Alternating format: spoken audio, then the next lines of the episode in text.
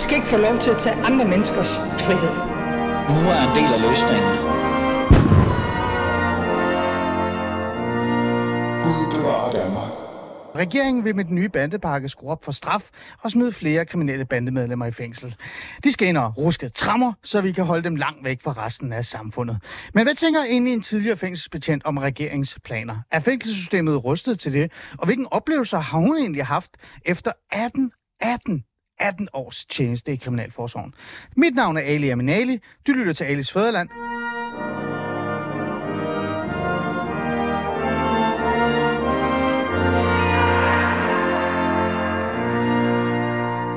Du kunne deltage i samtalen. Du kan skrive ind på 92 45 99 45, 92 45 99 45 og deltage i samtalen. Især hvis du selv har været inde og sidde, hvis du er fængselsbetjent, tidligere fængselsbetjent, eller bare i bund og grund har en holdning til hele den her idé omkring straf øh, og øh, afsoning, kan man sige, måske. Lad mig sige pænt goddag til min øh, gæst, øh, Karina. Velkommen til. Tak skal du have. Karina Rode. Ja. Du er tidligere fængselsbetjent, øh, som jeg sagde, med 18 års erfaring. Øh, vi skal tale om meget, men vi skal faktisk også tale om det faktum, der er, at det er du faktisk ikke mere. Nej, det er rigtigt. Hvorfor er du egentlig ikke det mere? Jamen det er jeg ikke, fordi at øh, igennem de mange år, jeg var i fængslet, der forandrede systemet sig, så øh, det gav ikke mening for mig mere, det som jeg egentlig startede med at, at ville med mit job. Mm. Jeg vil nemlig gerne øh, sådan klichéagtigt hjælpe den indsatte til at leve et kriminalitetsfri liv ja. efter afsoning. Jeg vil gerne øh, have noget relation til den indsatte og, og hjælpe dem videre.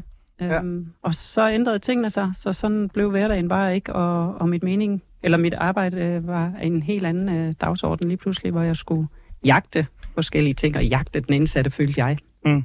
Øhm, lad os lige få noget på plads i forhold til, øh, hvor lang tid siden det er, du har været aktiv i, i fængselssystemet, kan man sige. Jamen, det er rigtigt. Jeg, jeg sagde min stilling op for tre år siden i Kriminalforsorgen, og kom over og arbejde i retspsykiatrien i stedet for.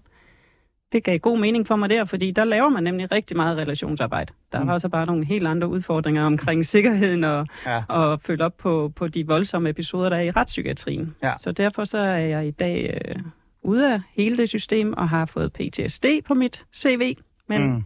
men har heldigvis et fuldtidsarbejde i stedet for på okay. Alarm 112. Øhm, det her med PTSD'en, det, det skal vi lige også lige vide. Er det noget, øh, der er kommet stille og roligt, eller er det en hændelse eller en episode, der, der, der, der har ramt dig? Altså, det er, det er konkret hændelse øh, i retspsykiatrien, øh, der, der ramte mig til sidst, som gjorde, at, at jeg gik helt ned med fladet. Mm. Øhm, ja. Et, et par ret voldsomme hændelser, hændelser til sidst, men, men har været igennem utrolig mange hændelser øh, i retspsykiatrien og også i fængslet her. Uh, altså, jeg kunne ikke lade være med at spørge, for jeg er sikker på, at der sidder nogle lytter derude og tænker, hvad er det, der er sket? Altså, er det noget, du vil dele med os? Jamen altså, det, sådan konkret, så den, den sidste hændelse, det var um, et par uger efter, jeg havde haft en anden voldsom hændelse, hvor en kollega blev øh, sparket i hovedet af en patient, og, og jeg så sad vagt ved, ved den her patient bagefter, og, og det var ret voldsomt. Øhm, et par uger efter kommer jeg endelig på arbejde igen, og, og har sagt til min ledelse, at jeg kan simpelthen kun komme på arbejde, hvis vi er fuldtallige. I psykiatrien sker der ligesom i fængslerne, vi er for få folk, og det gør, at man oftest møder ind med for få på arbejde, mm. og også øh, vikarer, så, og det gør bare, at vi får nogle helt vildt dårlige og urolige patienter. De er psykisk syge, de skal have noget tryghed og have noget tid, øh, og man skal kende dem godt, og, og når det så ikke sker, så øh, bliver de udadreagerende og voldsomme. Mm. Og vi havde en patient, som var meget psykotisk, og som forsøgte at, at vi slå en anden patient ihjel. Så i, i fem timer, der kæmpede okay. vi med, med den her patient, og vi var imellem flere gange, og jeg var simpelthen fysisk inde imellem at få ham slæbt baglands væk, når han øh, gennembankede den anden patient og sådan noget. Vi Hold da op. prøvede at få ledelsen i tale ved at sige, at vi gerne ville have flyttet øh, en af patienterne, fordi vi kunne ikke øh, sikre hans liv, ja. eller vores andres patienters eller egne, men det kunne vi ikke få lov til, for det var lørdag aften, og der flyttede vi ikke patienter, var svaret. Så da jeg, ja. Men vi skulle gå ud og være synlige og være øh, ja. på, synlige på gangen, det vil sige være et øh, fysisk skjold, øh, og det, øh, det kunne mit system så bare simpelthen ikke holde til til sidst. Jeg synes, jeg havde ned. Fuldstændig. Ja. Jeg kan ikke huske, hvordan jeg kom hjem fra arbejde den dag. Det er jo en klassisk PTSD-symptom, man får, at sy- altså hele ens system, hele ens krop bare lukker ned, og man Ja. nærmest faktisk glemmer, hvor man er henne i Ja. virkeligheden. Ja. Øh, øh, du taler om retspsykiatrien. Vi har meget fokus på fængselssystemet og fængslerne øh, i dag, men jeg får nærmest helt lyst til at love øh, lytterne, og især også dig, at det skal vi altså have fokus på, og måske endda have dig ind i studiet igen. Øh, så bare lige for at runde den af, jeg talte også med dig om det før, jeg spurgte dig, øh, så mange år i fængselssystemet, et par år i retspsykiatrien, hvad var værst? Jeg havde jo forventet, at du ville sige fængselssystemet, Ja. som vi skal tale om i dag, Ja. men du var bare virkelig klar i mailet. Du Ja. var bare sådan, nej, Ja. Af de, var- af de uh, tre år, jeg var i retspsykiatrien, der har jeg, der har jeg været, været med til meget flere overfald, trusler, og øh, jamen, det har været så voldsomt de tre år i retspsykiatrien. Det er ingenting i forhold til de 15 år, jeg var i fængslet. nej, nej. Det er jo voldsomt at tænke på. Ja. Kære lytter, det lover jeg, at det skal vi nok følge op på. Vi laver nærmest en time ekstra, så tvinger jeg hende til at komme til København igen øh, og, og tale om det. Men det skal jo handle om fængselssystemet Ja. primært, og især også fordi vi netop står med en højaktuel øh, nyhed, øh, der handler om, at, øh, at hvad hedder det, regeringen og politikerne for den sags skyld øh, gerne vil have mere straf og flere i fængslet. For at kunne forstå, hvordan det egentlig er at arbejde i et fængsel, Mm. før vi går i gang med at snakke om alt med straf og hvordan de indsatte er, indsatte er, så vil jeg gerne bare starte med, at du lige maler et billede af, hvordan er det egentlig? Altså, hvordan er en hverdag i fængsel? Altså, du møder op, og hvad så? Ja. Øhm, jamen altså, der er forskel på, hvis du spørger mig, hvordan var min hverdag, da jeg startede i fængslet i 2004, kontra hvordan var min hverdag, da jeg sluttede i fængslet i 2019. Mm. Der er himmelvid forskel. Mm. Øhm, men en hverdag er, at man møder ind, øh, for eksempel på en morgenvagt, og øh, låser de indsatte ud, hvis de går på et fællesafsnit øh, i en rest, siger man godmorgen, og sikrer, at alle er, jamen groft sagt, alle er i live på deres, øh, Mm. på deres øh, celler om morgenen, og, og så starter hverdagen derfra. Og så er der øh, jo ting, der skal, skal ske alt efter, hvad det er for et fængsel, man er i. Men der skal serveres morgenmad, hvis det er dem, der ikke laver det selv, og hvis det er i et øh, lukket fængsel, skal de sendes på arbejdspladser, og Mm. der er sådan ret mange praktiske ting, der skal visiteres, og der skal sørges for ting. Så det er, sådan, det er nærmest et, øh, sådan en øh, lille, hvad kan vi sige, et stykke to-do-liste. Det Ah, er det absolut. ja. Absolut. Øhm, mange kender jo, hvordan et åbent fængsel er. Mm. Der er jo nærmest blevet lavet dokumentarer og serier, mm. som minder om de unge møder, ikke bare i fængsel. Så mange har jo en idé om, hvordan det foregår. Øh, kan du beskrive stemningen i, i et andet fængsel end, end det her åben, altså et mere lukket fængsel? Hvordan er det? Jamen det er jo øh, for eksempel et lukket fængsel som, som Nyborg Statsfængsel. Der er der jo en, en 20 øh, indsatte på en afdeling, som skal have en hverdag til at fungere sammen. Og tit så hører jo folk sige, når jeg bliver gammel, så vil jeg ikke på plejehjem, så vil jeg hellere i fængsel, for det er meget bedre. Det gør man. De aner ikke, hvad de snakker om. Altså, fordi prøv at forestille dig at leve sammen med, med 19-20 andre mennesker, som, som ikke er ret øh, godt klædt på socialt i forvejen. Det er oftest derfor, de har været ude og lave kriminalitet. Du skal dele øh, tre badeværelser og et øh, køkken med dem, og der skal hverdagen fungere øh, mm. dag ud og dag ind. Og det er pressede mennesker. Det er mennesker, der er væk fra deres familie. Det er mennesker, der er væk fra alt det, der nu giver folk værdi i mm. livet. Ja. Øh, dem skal du gå op og ned af hver evig eneste dag. Det giver noget trykket stemning, og det giver nogle øh, konflikter. Øh, Mm. Og det er, Mm. det er så der, at, at vi som betjente kunne gøre en forskel i forhold til, at vi kunne gå ind og skabe den relation og give noget værdi og sådan noget, men Mm. mm. det er der desværre ikke tid til længere. Kan du komme med et konkret eksempel, eller bare et generelt eksempel? Nu har du jo tavshedspligt, ligesom Mhm. mm-hmm. mange andre også har. Jeg er jo også selv socialrådgiver, og jeg har jo også en form for tavshedspligt i forhold til det, jeg arbejder med. Men kan du komme med et, øh, et, et, et par eksempler? På, øh, på hvordan at det giver konflikter. Mm, ja, eller øh, en konflikt, hvor du for eksempel vender stemningen, hvor der har været mulighed for det. Ja, eller eller ja. hvor det er gået galt. Begge ting. Jamen altså, der er jo, der er jo flere gange, hvor, hvor, øh, hvor i Nyborg statsfængsel jeg oplevet, hvis der var en konflikt på gangen. Det kunne være, at der var en, der fik et, et afslag af mig på noget, som, som bliver vred og, og, og løfter stemmen. Og mm. der øh, kunne andre indsatte sådan komme hen og sige, ej, prøv nu at slappe af til den indsatte. Det er jo, Okay. du skal ikke øh, stå og råbe, at Karina, hun giver dig jo bare en besked. Og på den måde, så havde jeg jo en relation til de andre, der kunne støtte en, når, når en ikke kunne styre sine egne følelser. Andre gange, så, så blev de også vrede, men, men hvor de så stadig kiggede på mig og sagde, "Men jeg ved jo godt, det ikke er dig, Karina, men jeg bliver Ja. sgu bare så ked af det. Og så, så var det okay at blive ked af det, og man kunne gå ind på cellen og have den her snak, Ja. øh, hvor de faktisk turde være ked af det over for en. Så der var sådan en form for relation, og den Absolut. kom, fordi der netop var tid til at have en relation. med. Lige nøjagtigt. Det var den gang, hvor vi havde tid til, øh, hvis det var over på den afdeling, der havde en have, så gik man i haven og havde gode snak, mens man gik rundt derude, eller, eller hvis man øh, var spillede fodbold med dem, eller gik over og trænede med dem og sådan noget, så fik man en god relation. Det var, Ja. det var den gang. Ja. Hvad så øh, senere, som ikke var dengang? Ja. På et tidspunkt gik det jo så galt, hvad jeg jo så gætte mig til. Jamen, andet. så, så begyndte der jo at komme øh, noget politisk fokus på nogle ting. Blandt andet så kom der jo øh, rygeforbud i fængslerne, så de indsatte må ikke ryge. Øhm, på det tidspunkt arbejdede jeg i Odense Arrest, og det er jo folk, som faktisk ikke er dømt øh, endnu, Ja. de fleste af dem. Ja. Øhm, men, men der kom så rygeforbud, så man måtte ryge en gang i timen på gåtur. Det giver også en masse ekstra arbejde, fordi man, man skal have kontrol over det. Plus man skulle så visitere efter cigaretter konstant og give bøder for det, og strafceller, og hvis, Ah. hvis de prøvede at ryge på cellen. Så et decideret konfliktelement, der bliver direkte lagt ind i, i Ja. ens hverdag. Både Ja. for dem, men for jer. Ja.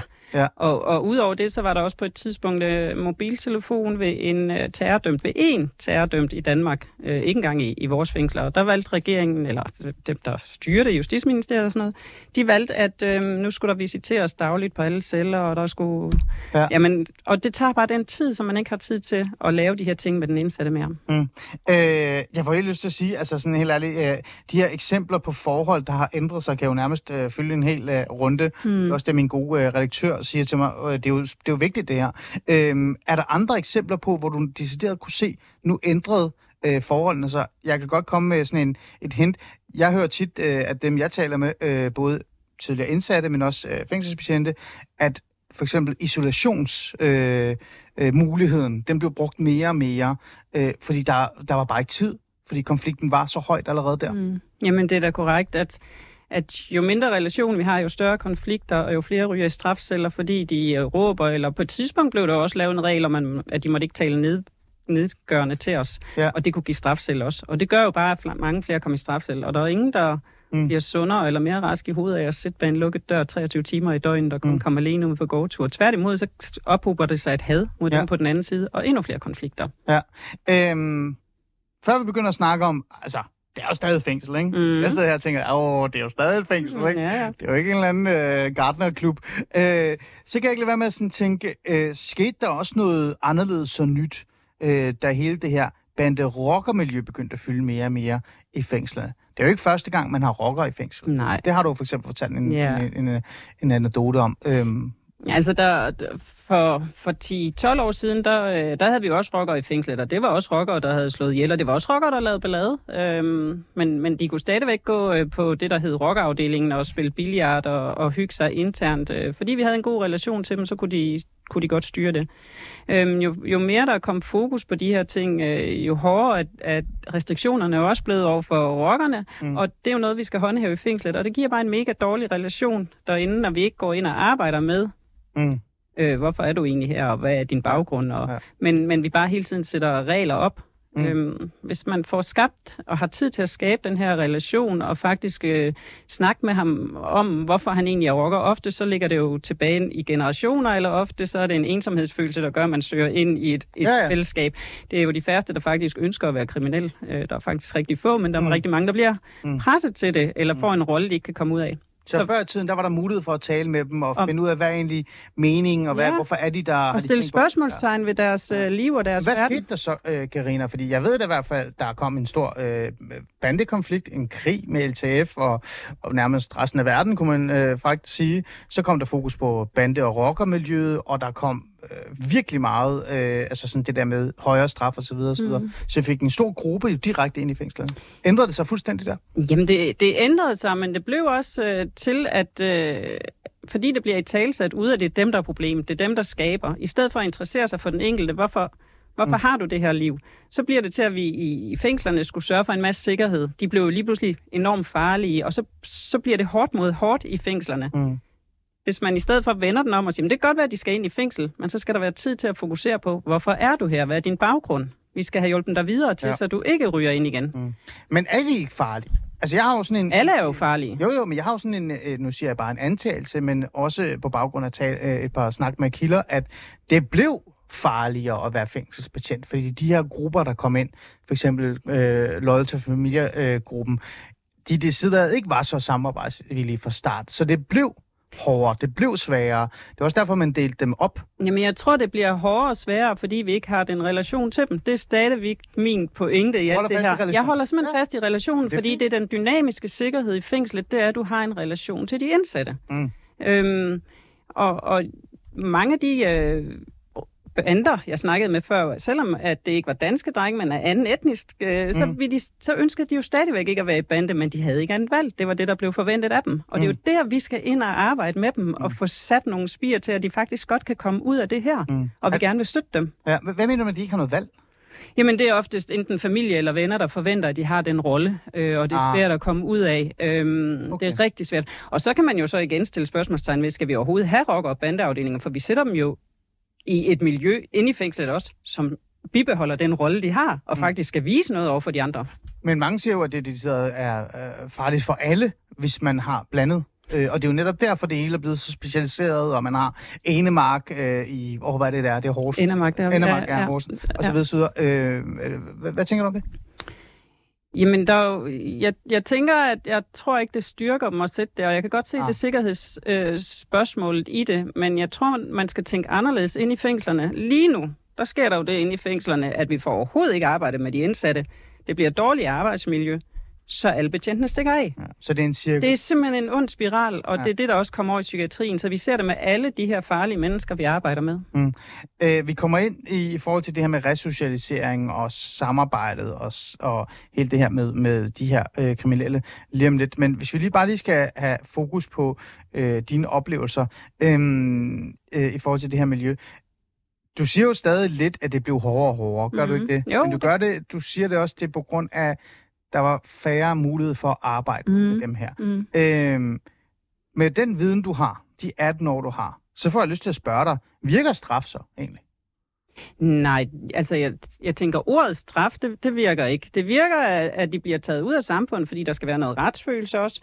De skal også tages ud af samfundet, fordi der skal være en konsekvens af det, de har gjort. Men det, der virker, det er, hvis vi arbejder med dem, når de er inde i fængslerne. Vi skal jo ikke bare opbevare dem. Hvis vi bare opbevarer folk 5-10 år, mm. og ikke gør noget ved det, så får vi meget farligere mennesker ud på den anden side, meget mere kriminelle mennesker ud på den anden side, og det er der jo evidens for. Mm. Trods at Mette Frederiksen her ved det her bandepakkeforslag blev spurgt om, om, om hun øh, altså om hun kunne se en fordel i Ja. ja. øh, den her skærpede straf, og så siger hun, jamen det, vi kan godt snakke om alle mulige ting, øh, evidens ja. og sådan noget, sagde hun, men, men det gør vi ikke. Vi kigger ud af vinduet og bruger vores sunde fornuft. Ja, altså, øh, hun blev også spurgt ind til, hvad for nogle forskere hun har snakket yeah. med Ja. i forhold til, og så sagde hun, det, øh, sagde hun noget helt andet. Men, men jeg, jeg skal bare lige forstå sådan, er den her straf så for vores skyld, eller er den altså for deres? For det er jo, altså, jo Det skulle dem, gerne være for begge parters skyld. Det, altså, det, der skal være straf for vores skyld, for at vi retshåndhæver øh, sikkerheden i Danmark. Vi, der skal ikke være lov til at begå kriminalitet. Jeg bifalder ikke kriminalitet på nogen måde. Nej. Og jeg, og jeg synes også, der skal være en straf, helt klart. Men når den straf er sat ind, så skal vi også hjælpe vedkommende, mens den sidder inde til liv uden kriminalitet udenfor. Det er vores pligt. Så dit svar til mig, det er, virker straf? Øh, det er ikke, fordi jeg vil have en generel debat omkring straf og sådan noget, men mere sådan med din faglige erfaring, 18 år som fængselsbetjent, har du set, at straf virker? Øh, øh, eller skal der være en balance mellem straf og den her mulighed for at resocialisere, som man bruger det ord? Der skal være en balance. Hvis, hvis straf bare er opbevaring, så virker det på ingen måde. Mm. Er det det, vi, vi er endt med? Vi er endt med opbevaring, er vi, helt er vi, klart. Er vi gået fra at, øh, at straf har været for begge parter, mm. Mhm. altså det vil sige alle de her ting, og resocialisering sammen med straf, til øh, opmaksimering? Ja, det synes jeg. Altså, ja, selvfølgelig er der, der er fængselsbetjente, der gør et kæmpe arbejde derude. Kæmpe arbejde, og det gør de stadigvæk. De, øh, de er mega dygtige faglige, og de prøver hver dag med øh, at få det bedste ud af det. Men fordi ressourcerne ikke er til det, så bliver det opbevaring. Ja. Og hvad er det, der sker så med en opbevaringssituation? Øh? Fordi vi talte også lidt om det, det der med sådan, øh, er det så sundt? Nej, på ingen måde sundt. Er det status quo? Altså, ko- ko- smider du bare en kriminel i fængsel, så sidder han der, øh, han eller hun, og så når det, tiden er slut, så går de bare ud igen. Ja, men så går de bare ud med en forstærket bitterhed på samfundet, og øh, Hvordan det? Hvad, det må Jamen- du da have oplevet. Der må du have nogle øh, konkrete eksempler på, at du har mødt folk, der er kommet ind, som har været hårde kriminelle, mm. men nærmest er blevet hårdere, når de gik ud. mm, absolut, for, de, for det første har de også fået et netværk jo, øh, af andre hvad- kriminelle. Nå, det giver sig selv, ja.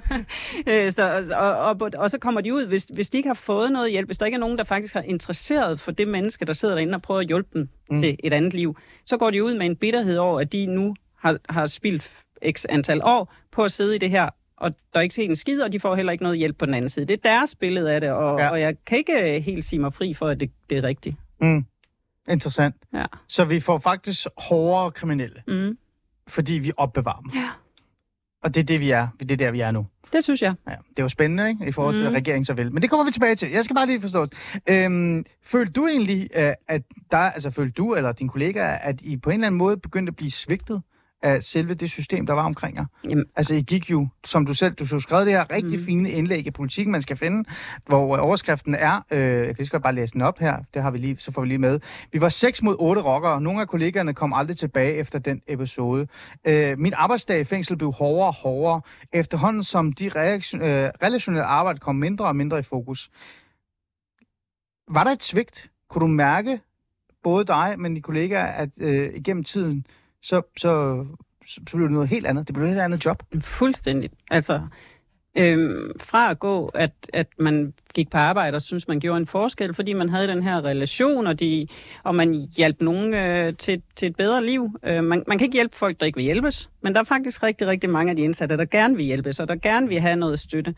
Øhm, så, så gik man til, at, at det blev en jagt, og man, jeg, jeg kunne egentlig ikke se mig selv i øjnene altid, øh, når jeg kiggede mig i spejlet i forhold til øh, den indsats, jeg havde gjort, når jeg kom hjem. Jeg var bare en, en sur idiot. Hvordan det var, de- jamen, jeg, da jeg arbejdede i Nyborg Statsfængsel øh, og i Odense Arrest, der var jeg lidt kendt som, som øh, den smilende betjent. Den smilende øh, den smilende betjent. De vidste, hvor de havde mig. meget, ja, og, og de vidste, hvor de havde mig. Jeg går ind til, til folk øh, med et smil, og, Ja. og samtidig så kan jeg også være meget sådan firkantet og konkret, så, så de ikke misforstår øh, situationen. Ja. Øhm, men, men det er mega svært, og når man øh, for tredje gang på den her uge kommer for at visitere en celle, eller øh, jagte cigaretter, eller hele tiden har nej-hatten på, så, så bliver man bare ikke den smilende betjent mere. Mm. Øhm, og de indsatte får ikke den relation til os, og så blev det en konflikt hver gang. Og gå på arbejde hver dag og vide, at man skal igennem x antal konflikter, det er Mm. bare ubehageligt for alle parter. Så, så dit svar til mig, det er, øh, ja, du føler, øh, at I blev svigtet, og dine kollegaer følte også, at I blev svigtet. Mm, der blev ikke lyttet til os. Øh, nærmeste ledere prøver at lytte, men, men at lederne i Kriminalforsorgen er jo bundet højere op fra Ja. ja. i forhold til, til Ja. ja. de uh, ting, der skal opfyldes. Altså, var det, et- var det et politisk skift, der kom?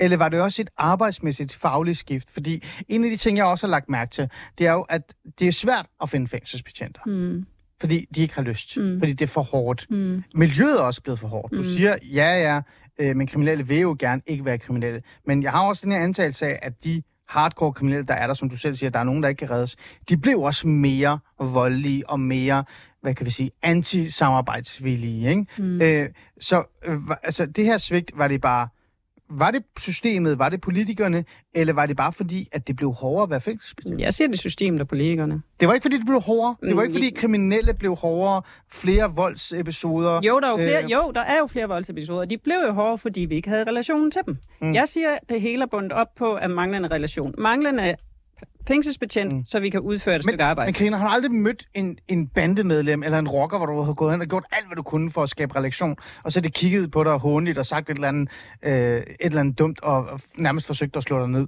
Altså, har du aldrig oplevet det? Øhm, jo, jeg har oplevet rockere og bandemedlemmer, som har været øh, meget, meget øh, negative og sure, når de kom til os, øh, og, og virkelig holdt os på afstand, mm. øh, fordi vi var bare nogle røvhuller. Mm.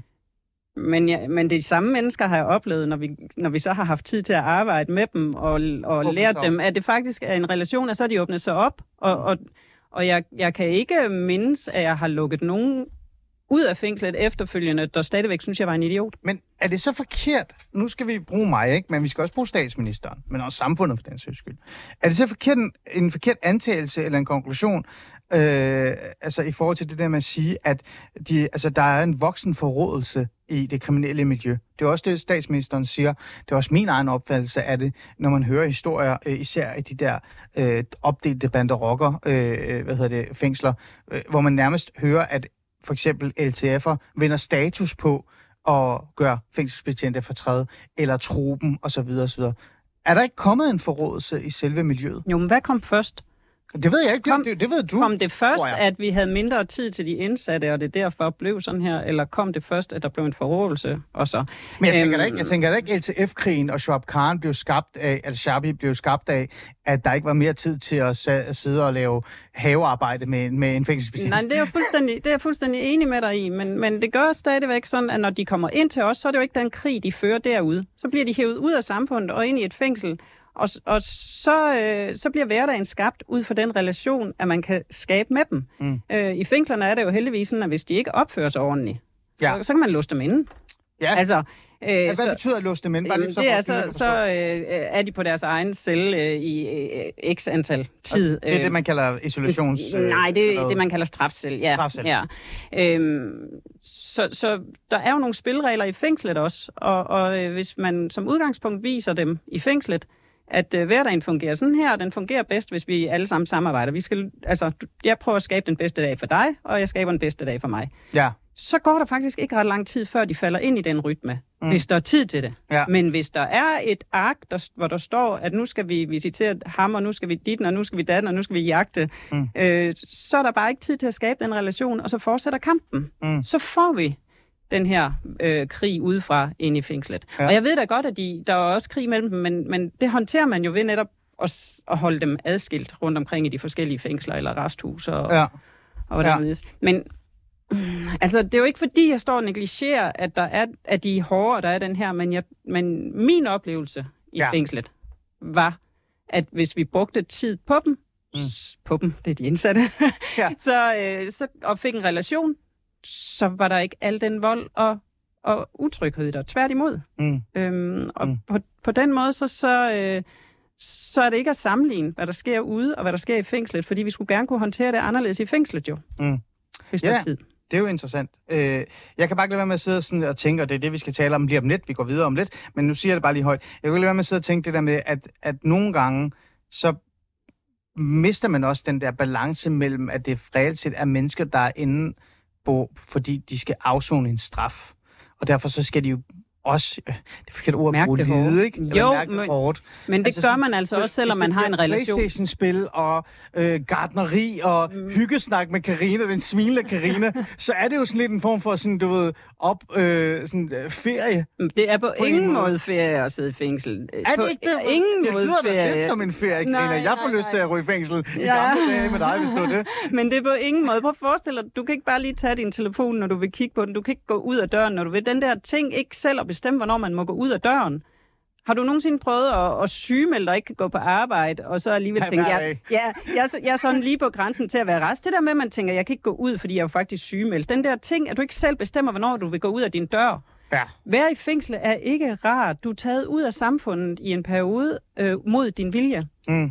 Øhm, men, men derfra og så til, at, at vi ikke skal arbejde med de indsatte for at få dem Ja. øh, et bedre sted hen, det skal vi. Det skal vi. Okay. Så lad os gå videre til det.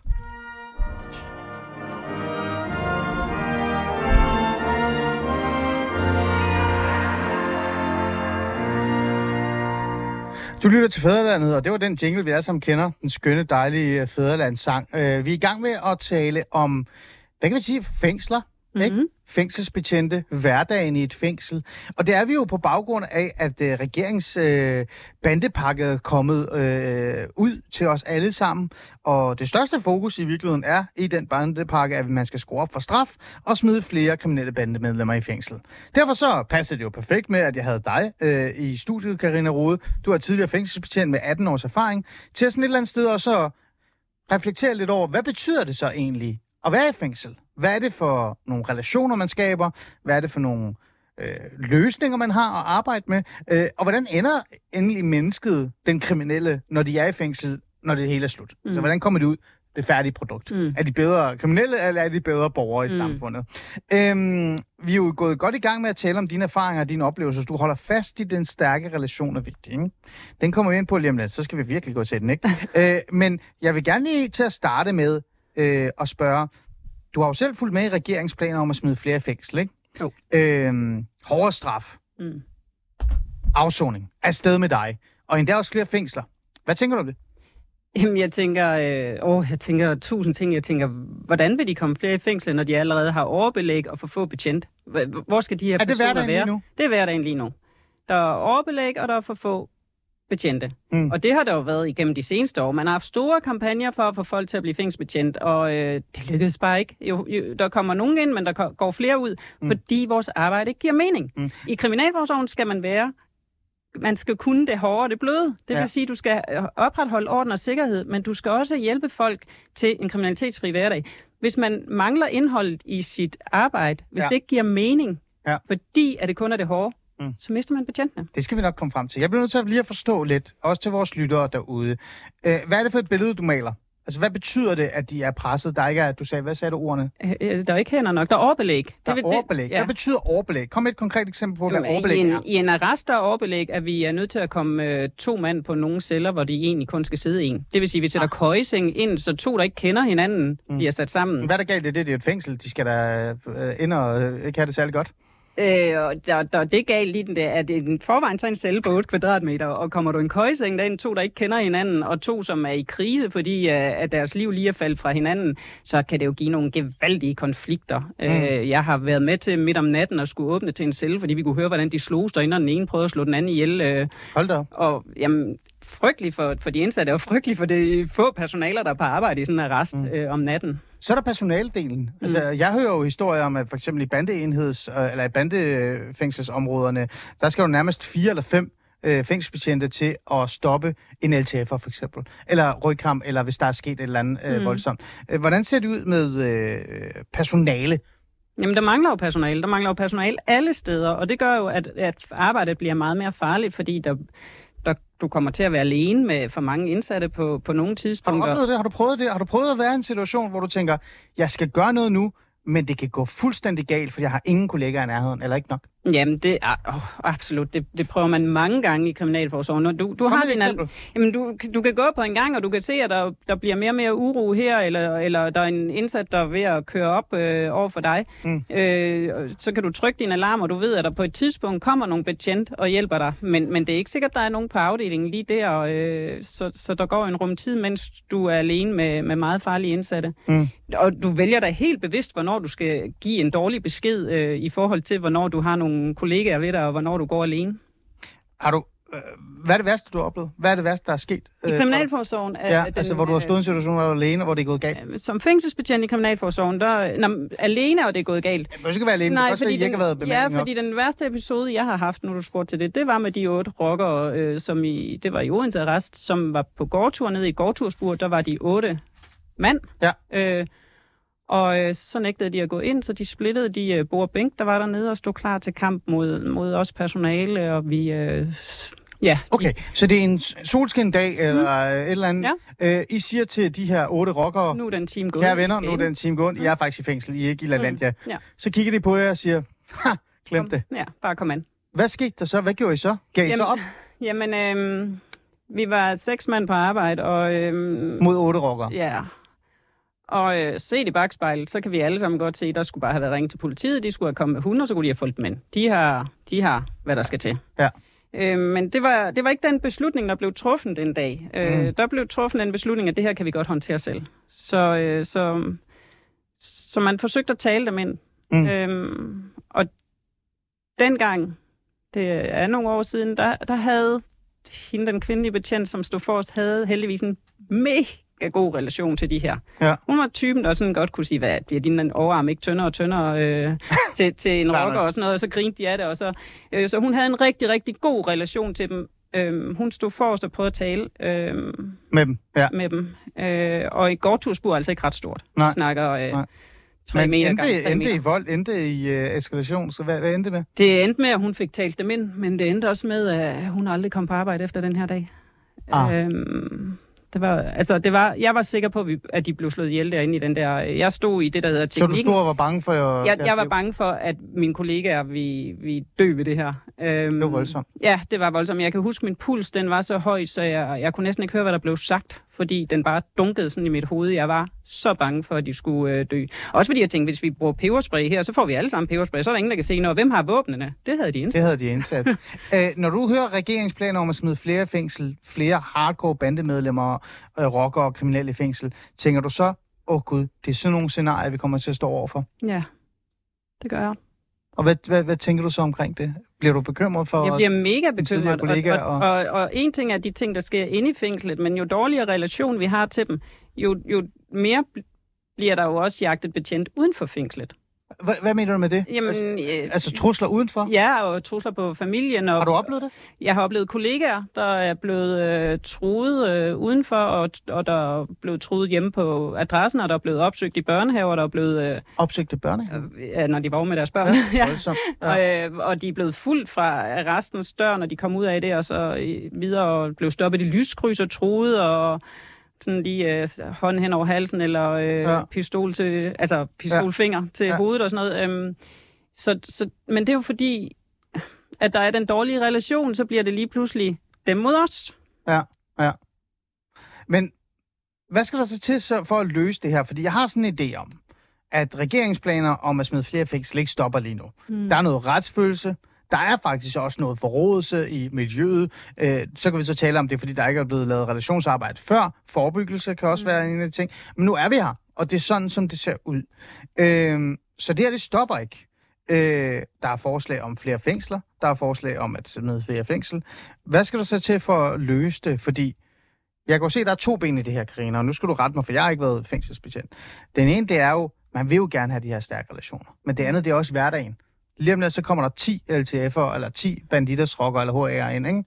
Og de er klar, ikke? Og det skal bare håndteres. Men det er jo ikke, fordi jeg har løsningen på det her, fordi jeg synes jo, at, at øh, man har malet sig over i et hjørne de sidste Hvem 10 har år. regeringen? Eller? Ja, regeringen, øh, og, og, ja, de har meldt sig over i et hjørne de sidste 10 år ved, at, at det har, vi har lavet et fængsel, som betjentene ikke kan holde ud at være i, så mm. de er flygtet derfra. Mm.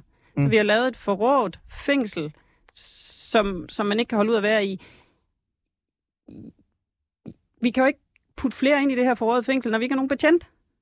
Ja. Fordi så bliver det bare endnu værre. Jeg er nødt til at forstå, hvordan den her, hvad, hvad et forrådet fængsel øh, er. Men det er fordi meningen med at være fængselsbetjent er væk, når vi ikke kan lave en ordentlig hverdag for både personalet og for de indsatte. Mm. Hvis vi har et dårligt arbejdsmiljø med vold og trusler hver dag, så ja. er der jo ingen, der har lyst til at være der. Mm. Så flygter de. Og det er jo også det, forbundet har virkelig kæmpet for i mange år. Desværre så er det jo bare blevet et... Altså, ha- Bo øh, fra forbundet har jo virkelig talt den her sag på at få ressourcer til Kriminalforsorgen. Desværre er det jo bare blevet et billede, som folk kender og tænker, jeg skal sige mig da ikke være fængselsbetjent, men det er jo Mm. det, jeg ser hele tiden i medierne, hvor farligt det er til dårlig løn. Mm. Hvem gider gå ind i den? Mm. Så derfor så er det simpelthen så svært at skaffe fængselsbetjent. Hvis de endelig kommer ind Ja. og bliver en del af det her meget fine billede, de har fået tegnet i kampagnen Ja. af at være fængselsbetjent. Ja. Hvis de så kommer ind og mærker hverdagen, og der stadigvæk ikke giver mening at være derinde i forhold til, at man kan hjælpe de mennesker, der er. Fordi Mm. dem, der bliver fængselsbetjent, går jo ikke ind, fordi de gerne vil være magtsyge mm. og bare bestemme. De går ind, fordi de faktisk gerne vil arbejde med det enkelte menneske Mm. og hjælpe dem. Ja, det var også sådan, du selv startede jo. Ja. Du, du, du skriver i dit indlæg i øh, politikken, at du startede... Hvor gammel var du, da du egentlig blev fængselsbetjent? Jo, ja, så afslører jeg også min alder nu, ikke også? Men jeg har været lige i starten af 30'erne. Jeg havde faktisk Ja. noget erfaring på ja. banen, da jeg startede, ja. Ja, og så der, der tænkte du, jeg skal ind og hjælpe folk. Ja. Det er ikke der, man er nu. Øh, hvordan vil du egentlig så selv indrette systemet? Og nu skal du være, undskyld, jeg siger det, vi- du kan godt stå her og være ideologisk og visionær, ikke? Men med al respekt, vi snakker om ekstremt voldelige elementer. Altså, vi Ja. snakker om bander og kriminelle, som jeg ikke har set før. ja. Øh, altså bare det fra 16 til nu, hvor jeg var socialrådgiver og arbejdede i socialt udsatte områder, og, og oplevede LTF-krigen mod hele verden, ikke? Mm. I. Aarhus var det. Mm. Det er en helt anden, det er en helt anden verden. Det er nogle helt anden, anden form for bande og kriminelle. ja. Øh, de bevæger sig imod Sverige tilstanden, ikke? Så hvis du skal være ærlig, men du må også gerne være visionær. Hvordan vil du indrette selve systemet så? Jamen, vi skal jo ind og arbejde meget mere med dem, der sidder i fængsel. Vi skal stille meget mere krav til, at de reflekterer over deres hverdag. Vi skal have meget mere tid til at komme ind og arbejde med den enkelte, så man får en relation og får dem hjulpet videre. Men det kræver hænder. Og de hænder ved jeg godt, at Kriminalforsorgen har kæmpet for at få mm. længe. Så jeg, jeg, kan ikke, jeg kan ikke bare lige vi stille laver noget op. spiseseddel. Nej, nej, det gør vi. Nu giver vi det, nu giver vi det et forsøg. Første punkt er hænder. Ja, Uddyb det. Flere vi, hænder. vi de, skal siger, have flere fængselsbetjente. de siger, flere skal i fængsel, flere fængsler. Mm. Så, så er dit svar, så skal der være flere betjente. Betjente. Og det ved Kvalificerede betjente, eller hvad have hvilken som helst? Nej, vi skal jo heldigvis, eller vi skal selvfølgelig have kvalificeret betjent. Øhm, men desværre er vi derude, hvor jeg næsten snart siger, vi skal have hvad som helst, bare der er folk nok. Altså, det ønsker jeg jo ikke, men, men, Men det er jo det- er en ude. Og det, grunden til, at jeg reagerede på det her, er også, nu, nu kaster man igen penge i Kriminalforsorgen, hvilket er vigtigt. Men hvis man kaster penge i en synkende skude med alle de her huller, så forsvinder de jo bare. Og det har de jo gjort de sidste mange år. Der er jo blevet tilført penge til Kriminalforsorgen mange gange, mange år. Jamen altså, hvad, hvad mener du med synkende skud? Hvor er pengene så gået hen? Altså, er de gået til kaffe og donuts? Nej, det er måske... Nej, men de er, jo, de, de er jo gået til det her, de, de mener, der virker, så de prøver at være betjente, og de prøver at, opretholde kriminalforsorgen. Men hvis arbejdsmiljøet er så dårligt, så, så betjentene hele tiden stikker af, så hjælper det ikke, at vi tilfører nye. Altså, jeg har sådan et billede af, at der bliver kastet folk ombord, og de fryger ud af alle de huller, der er i skibet. Mm. Ja, altså, tegner du et billede af, at det nærmest er de kriminelle, der har øh, hvad hedder det, øh, der er taget, øh, hvad kan vi sige, styring i fængslerne, fordi der ikke er nok fængselsbetjente? Nej, det, det vil jeg helst ikke tegne. Men jeg, har, Men vi men jeg tegner et billede af, at vi har tabt både de indsatte og fængselsbetjentene i det her. Okay. Flere betjente. Hvor mange? Jeg ved godt det. Og det har jeg ingen anelse om, men mange, mange dobbelt op. Dobbelt op?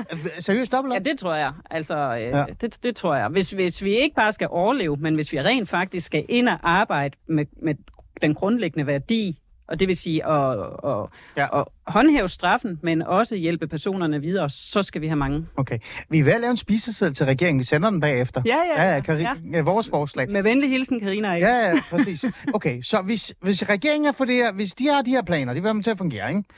Flere betjente. Godt. Øh, så vil jeg gerne vide, hvordan skal man så lave det arbejde? Altså, vil du have flere timer, hvor de skal sidde og, hvor de skal sidde og have hyggesnak med dem, mm. eller øh, øh, altså sådan, lave flere haver? Jeg tænker sådan, det bliver mærkeligt at lave haver ude i LTF's øh, bandeenhed. Øh, sådan der jamen, område, men, der. men der, der skal man ud og arbejde øh, i i bandeexit jo. Altså, der, vi har jo et bandeexit-program, som mm. er til de her medlemmer. Det kommer vi ind på, fordi du har selv arbejdet i det der bandeexit. Ja. Det kommer vi. Men jeg snakker om hverdagen, ikke? Nu, der, nu er men, du men hverdagen er jo... Nu er du i et fængsel, ikke? Ja, men hverdagen er jo at få sået spire til, at man faktisk har lyst til at bryde med den her kriminalitet. Mm. Så det handler om i starten bare at interessere sig for ham, der sidder derinde. Mm. Få pillet den lidt rå facade af og få, få kigget på den person, der faktisk sidder inde på cellen, og få snakket med ham om, hvad er det egentlig, jeg ønsker, du har for fremtiden, og, og hvad er det egentlig, du synes, der er fantastisk i dit liv, du har, og, og hvordan, er, hvordan er din rolle i forhold til familien, og, og lære den enkelte at kende, så man kan begynde at at arbejde med ham. Så flere, mere tid og flere redskaber til at have en, en, øh, dialog. en dialog. Hvad skriver ned? Ja, skriv for pokker. ja, ja. Men Karina, mens jeg skriver det, ikke? Hvad så med alle dem, der kigger på dig og siger, fuck dig? Men det gør de jo. Det, det gør de jo. Ej, du kan ikke stå her og sige til mig, at der er ingen af dem, der, siger... Der er jo masser, der har sagt, fuck dig, Karina, til Ja, mig. det tænker jeg også. Men, men jo mere man lærer dem at kende til sidst, så siger de det med et smil. Alle sammen? Mm. Jamen, jeg, jeg, jeg, graver, ja, fordi jeg graver virkelig min hukommelse på, der, det er simpelthen, øh, jeg kan, jeg kan simpelthen næst, jeg kan ikke finde episoderne, jeg har lukket folk ud af det fængsel, hvor de synes, jeg stadigvæk har været en røvhul, som de synes, der, der mm. de kom. Men det er jo en relation til dig. Jeg snakker om en relation til samfundet. Ja. Et ønske om at ikke være kriminel længere. Et ønske om at ikke Men det handler alle vil jo gerne ses. Alle vil rigtig gerne ses. Ah. Så kan du blive set på den dårlige måde, fordi du bare er et røvhul over for hele samfundet. Du er kriminel, du er bande, du er alt muligt mm. andet. Du kan også blive set som den person, du faktisk er bag facaden. Okay. Så du holder fast i den der. Mener du oprigtigt... det lyder som om, du bare nej, synes... Nej, nej, nej, nej. Mener du oprigtigt talt, at alle kan resocialiseres?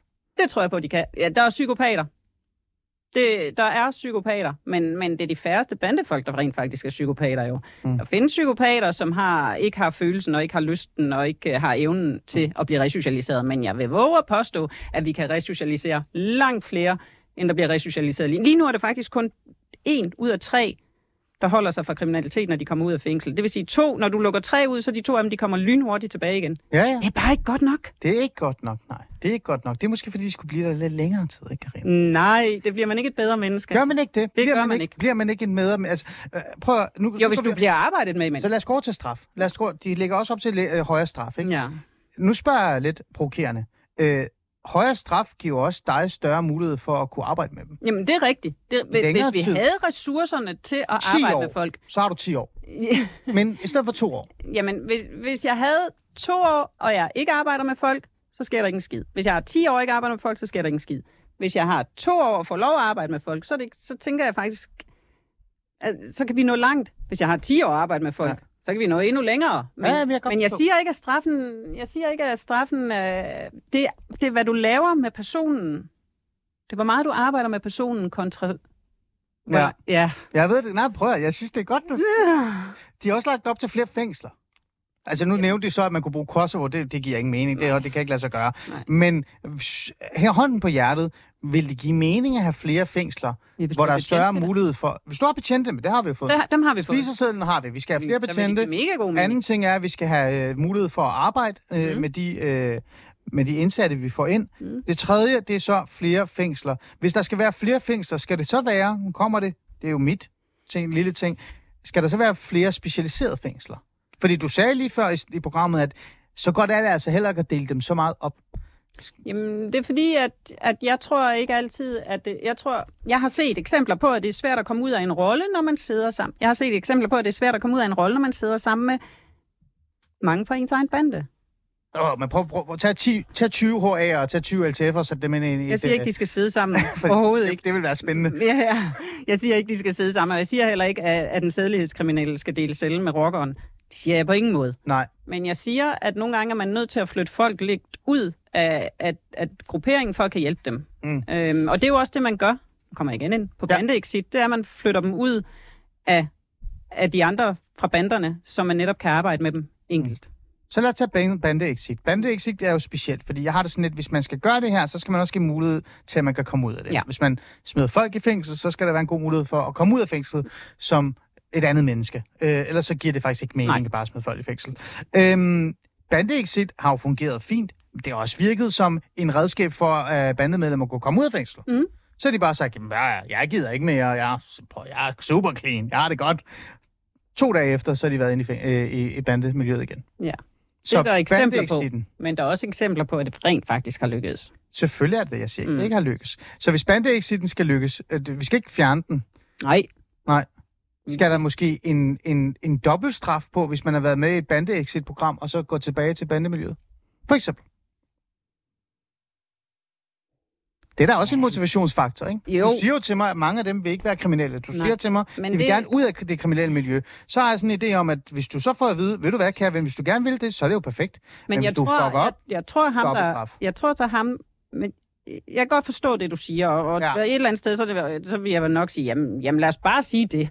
men, jeg, men jeg tror også bare, at ham, som, som begår kriminalitet igen, eller ryger i bande igen, det er faktisk ikke, fordi han har lyst, men det er, fordi han føler sig presset et eller andet sted fra.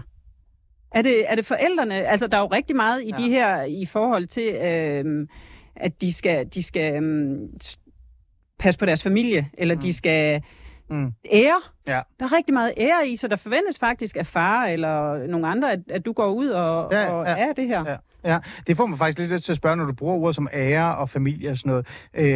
Øh, Mette Frederiksen siger jo, øh, og nærmest smider udlændingepolitikken ind i det. Mm. Øh, er der noget sandhed i, at øh, det kriminelle miljø, og især dem, som er hardcore kriminelle og bandemedlemmer, de har faktisk, øh, der er i hvert fald en større og større procentdel med ikke-vestlig baggrund. Mm. Øh, Var det et? Ja. ja, det er et ja. Det er et ja. ja. Du får helt ondt i hjertet af at sige ja. Ja, ja. Jamen, det er også Hvor, fordi... hvorfor at, tror du, det er det? Jamen, det er jo... mm, Jeg, jeg tror, det er fordi, at der kommer rigtig meget med øh, hjemmefra, øh, anden kultur, og, og, og, og der er nogen, der har misforstået de leveregler, der er her også er forældre, eller bedsteforældre, mm. eller, Mm. mm. og så går der, der er også noget religion i det, og sådan noget, men Hvordan går der religion i det, når man jamen, det er netop med æresbegreber. Ah. Ja. Og du Hvordan, må- altså, øh, hvordan, hvor meget fylder det? Altså, er vi derovre, hvor øh, for eksempel LTF'er eller øh, folk fra det altså, indvandrerbandemiljøet har ingen respekt for dig, fordi du er kvinde, for eksempel? Mm, ja, det er der jo nogen, der siger. Jeg har kun oplevet respekt, selvom jeg er kvinde. Men du hører andre kollegaer sige det. Mm, Jeg hører andre kolleger, men jeg hører specielt folk udefra sige. Ah. Altså, det er jo også... øh, Tit så bliver ordene sande, hvis de bliver sagt mange gange nok. Mm. Ja, ja, ja, jeg er jo bare nysgerrig. Ja, ja altså... øh, Så Der har, er vi en jo også, forrådet tone, men det, så har vi jo også en forrådet miljø, en forrådet øh, kriminalitetsgruppe, en forrådet tone. Tingene er jo blevet hårdere, Karina. det er Er det de. så ikke hårdt mod hårdt? Nej, det, det tror jeg ikke på virker.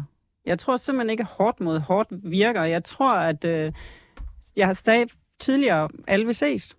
Mm. Mm. Og jeg tror, vi skal, skal se dem på en anden måde. Altså, hvis du, hvis du bliver ved med at råbe kriminel efter en, så kan han lige så godt være kriminel. Han Kan du ikke råbe kriminel, og så også give dem øh, omsorg? på en måde.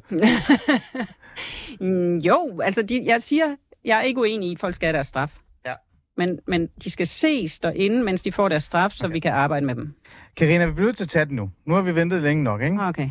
Vi har talt om, hvordan dine oplevelser har været. Vi har talt om, hvad du synes om rocker- og bandemiljøet i virkeligheden. Hvordan det også har ændret sig, men hvordan det også har ændret kriminalforsorgen. Også politibetjente og, og regering og politikere.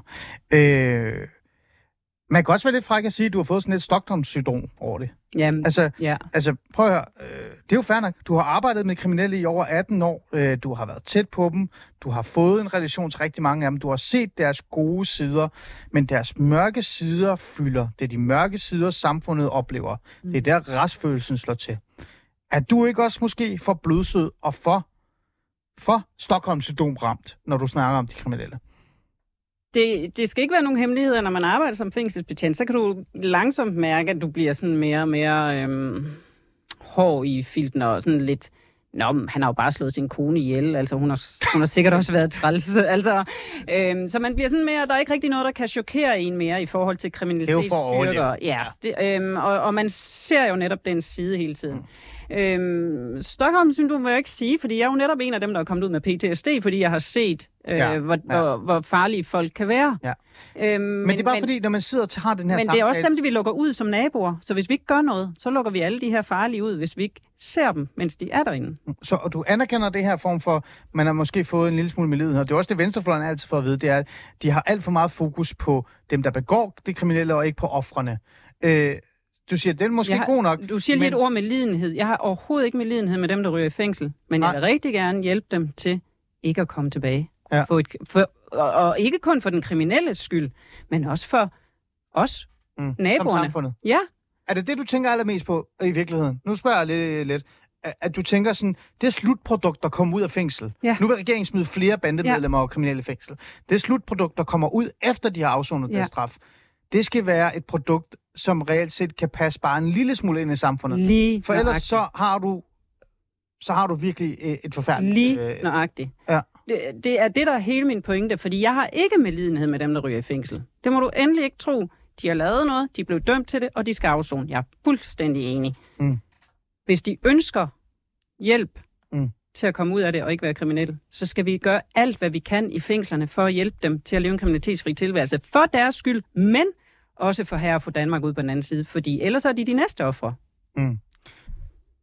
Der bliver lagt op til flere straf, flere fængsler. Øhm, regerings meget kort, 30 sekunder.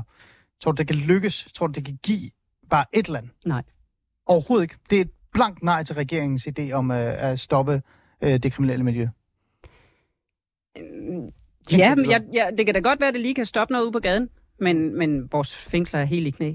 Ja. Og vores retspsykiatri er helt i knæ. Mm. Så, så den her skud, den synker bare mere og mere, hvis det er sådan her, man fortsætter. Okay. Det var interessant, Grete. Mm. Tusind tak, fordi du ville komme i studiet og tale med mig om, hvordan det egentlig er at være i fængsel fra et fængselsbetjents perspektiv, hvordan man arbejder med dem, og hvad slutproduktet i virkeligheden har været. Jeg tror, det er det, vi aller, altså de fleste danskere bund og grund tænker på, det er, vi vil gerne se vores retsfølelse komme i opfyldelse, men vi vil også gerne have et tryggere samfund, når de mennesker kommer ud igen. Ja. Og hvis pro- slutproduktet er øh, mere voldelige kriminelle, øh, bedre organiseret, med bedre netværk, så er det sgu ikke øh, det, vi alle sammen her efter. Nej, Nej. det er det ikke. Karina, en fornøjelse. Karina Rode, tidligere fængselsbetjent. Du skal lige ind og snakke om retspsykiatrien også. Jeg kommer gerne og snakker Ja, om ikke? retspsyk. Det er en meget længere snak.